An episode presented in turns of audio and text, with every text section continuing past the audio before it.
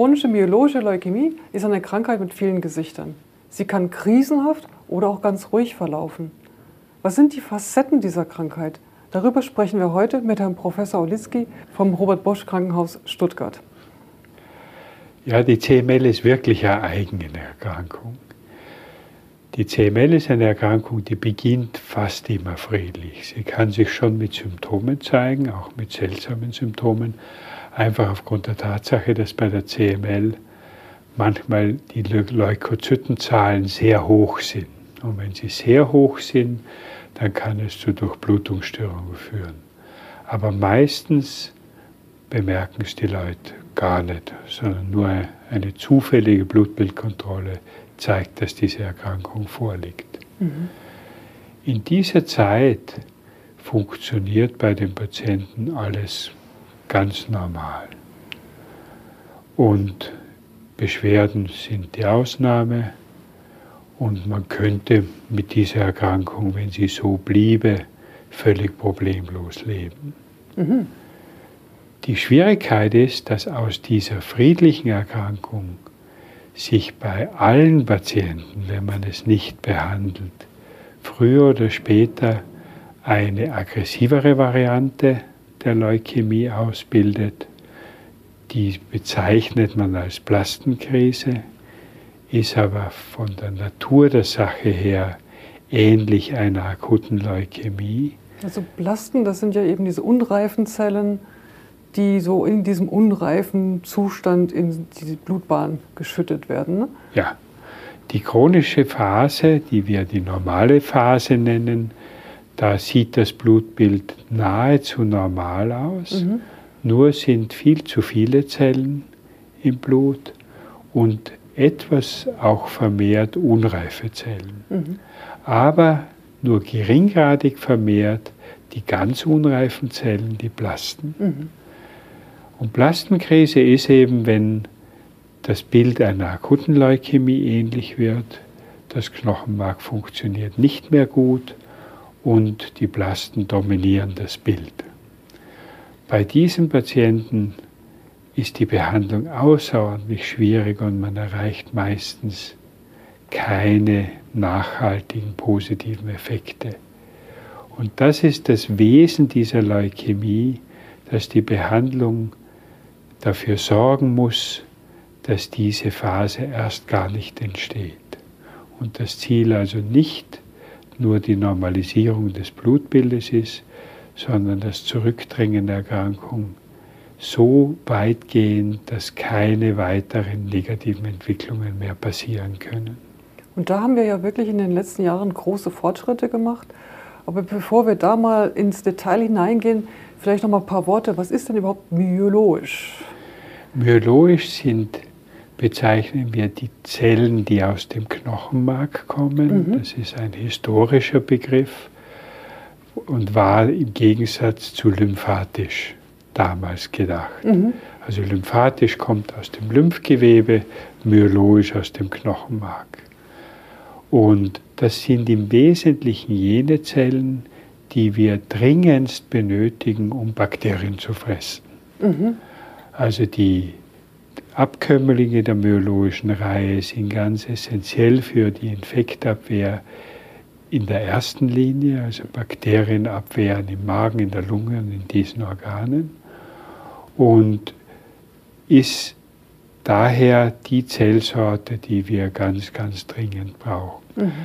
Weil aber bei der CML diese Zellen völlig normal funktionieren, haben die Patienten auch kein Problem. Also in der chronischen Phase sind es zu viel von guten Zellen, die ganz normal funktionieren. Also die meisten Leute, die eine CML diagnostiziert bekommen, hatten die vorher schon Symptome oder ist das ein reiner Zufallsbefund? Bei den meisten Patienten ist es Zufallsbefund. Manchmal kommen Symptome vor, weil die Milz vergrößert ist. Mhm. Manchmal, aber relativ selten, kommen Symptome vor, weil die Leukozytenzahl so hoch ist, dass die Durchblutung in Organen behindert ist. Und daneben kommen Patienten manchmal zum Arzt, weil sie sich schwächer fühlen oder andere unspezifische Beeinträchtigungen haben. Mhm. Mal früher hat man ja dann dieses Blutbild einfach unter Mikroskop angeguckt und hat dann irgendwie eben, wie Sie sagen, die zu vielen Zellen gesehen oder ich weiß gar nicht, bei der CML sehen die Zellen auch anders aus oder sehen die relativ normal aus? Man hat eine typische Verteilung von unreiferen Zellen, die man im Blut erkennt, sodass man aufgrund der mikroskopischen Untersuchung schon sehr klar den Verdacht äußern kann. Mhm. Um die Diagnose zu sichern, benötigt man zusätzlich genetische Untersuchungen. Mhm. Und dabei findet man dann eben das sogenannte Philadelphia-Chromosom. Man muss also die Chromosomen untersuchen. Und das ist beweisend für die chronisch-myologische Leukämie. Ja, ich glaube, das wollten wir ja noch mal ein bisschen genauer anschauen.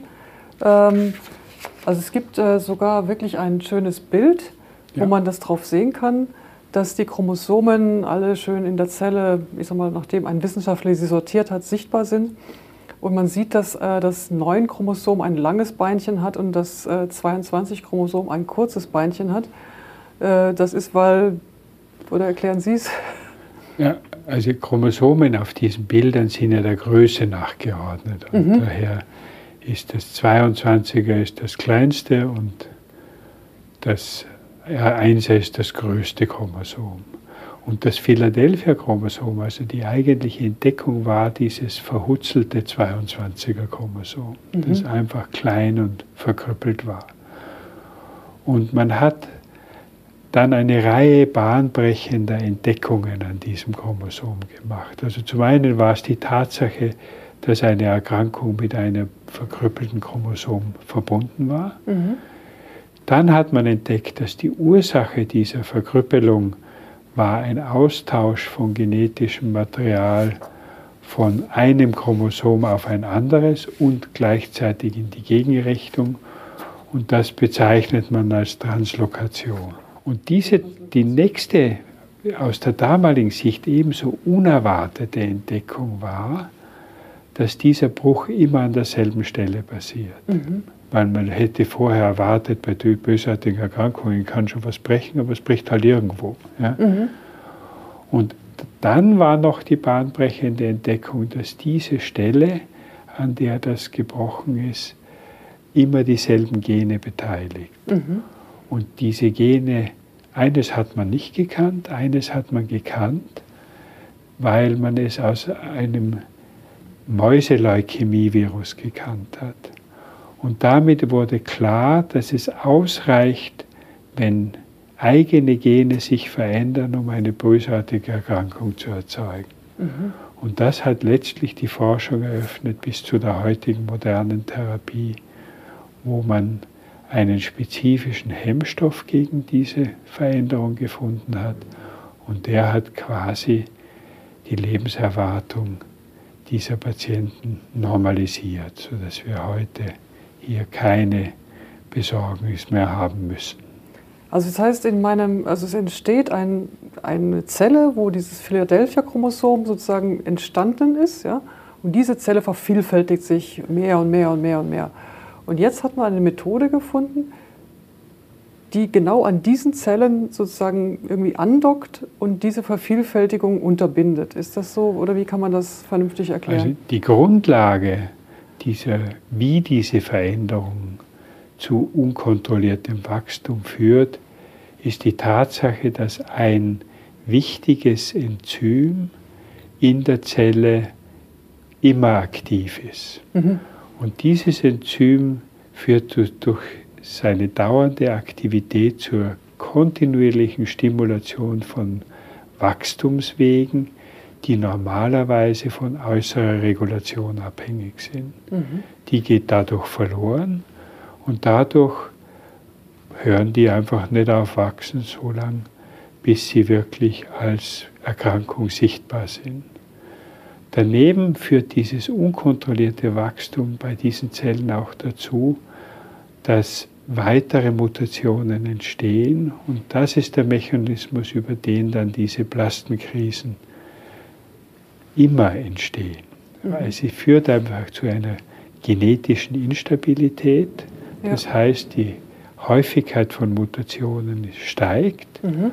Und auf diese Art und Weise ist die ursprünglich nur das Wachstum stimulierende Veränderung auch die Basis für den Weg, über den dann die tödlichen Plastenkrisen entstehen. Wie viele von den CML-Patienten haben denn dieses sogenannte Philadelphia-Chromosom?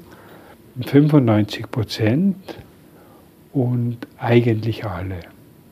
Also heute ist es so, dass eine Erkrankung, die das Philadelphia-Chromosom nicht hat, muss man eigentlich als eine andere Erkrankung mhm. betrachten. Weil bei den Patienten, die kein Philadelphia-Chromosom haben, ist immer noch Heilung durch Transplantation der einzige Ausweg. Aber für alle Patienten, die dieses Philadelphia-Chromosom haben, gibt es jetzt eben ein Medikament, was genau da mit interagiert, sage ich mal, und eben diese Zellvermehrung unterbindet. Das Medikament ist eben ein Medikament, das dieses genannte Enzym blockiert, mhm. weil dieses Enzym für die Funktion der normalen Zellen ziemlich unwichtig ist, mhm. beziehungsweise man versteht nicht genau, was dieses Enzym normalerweise macht, kann man es sehr effektiv pharmakologisch hemmen, mhm. ohne wesentliche Nebenwirkungen zu erzeugen. Und auf diese Art und Weise bringt man die Leukämie bei fast allen Menschen so zum Verschwinden, dass nur mehr eine in 10.000 oder eine in 100.000 Zellen von diesen malignen Zellen abstammt. Und wenn man eine so qualitätvolle Rückbildung erreicht, dann sind die Menschen vor der Verschlechterung in Richtung einer Plastenkrise weitestgehend, das heißt zu 98 Prozent geschützt. Ja, das ist ja wirklich ein hervorragendes Ergebnis. Ja? So etwas würde man sich ja wünschen für eigentlich alle, alle malignen Erkrankungen. Das ist unsere Erfolgsgeschichte und es ist vor allen Dingen auch eine Erfolgsgeschichte, wo die direkte Linie zwischen einer Reihe von bahnbrechenden wissenschaftlichen Erkenntnissen mhm. Bis zum Erfolg für die Behandlung lückenlos ist. Mhm. Vielleicht sagen wir kurz, wie heißt denn das Medikament, das da eingesetzt wird? Das erste in dieser Gruppe heißt ja. Imatinib und die erste Studie, an, wir, an der wir teilgenommen haben, war 1998. Also mhm. es ist erfreulicherweise schon lange unsere ja, paradigmatische Erfolgsgeschichte. Mhm. Und wir hoffen auf weitere. So tolle Geschichten haben wir leider noch nicht so viele mhm. in unseren letzten Jahren finden können. Ja, vielen Dank. Das war jetzt wirklich ein außerordentlich interessanter Überblick über die Krankheit an sich, aber auch vor allen Dingen die fantastische wissenschaftliche Entwicklung und Umsetzung für die Patienten, die da stattgefunden hat in den letzten Jahrzehnten, muss man eigentlich sagen. Ne? Vielen Dank, Herr Professor Litzky. Ach ja, bitte geben Sie uns Feedback zu dieser Episode unten in den Kommentaren. Wir möchten unsere Angebote immer besser machen. Wenn Sie also konkrete Fragen haben und Sie bestimmte Themen besonders interessieren, lassen Sie es uns unter dem Video oder per Mail wissen. Und übrigens, abonnieren Sie unseren Kanal, dann verpassen Sie keine weitere Folge.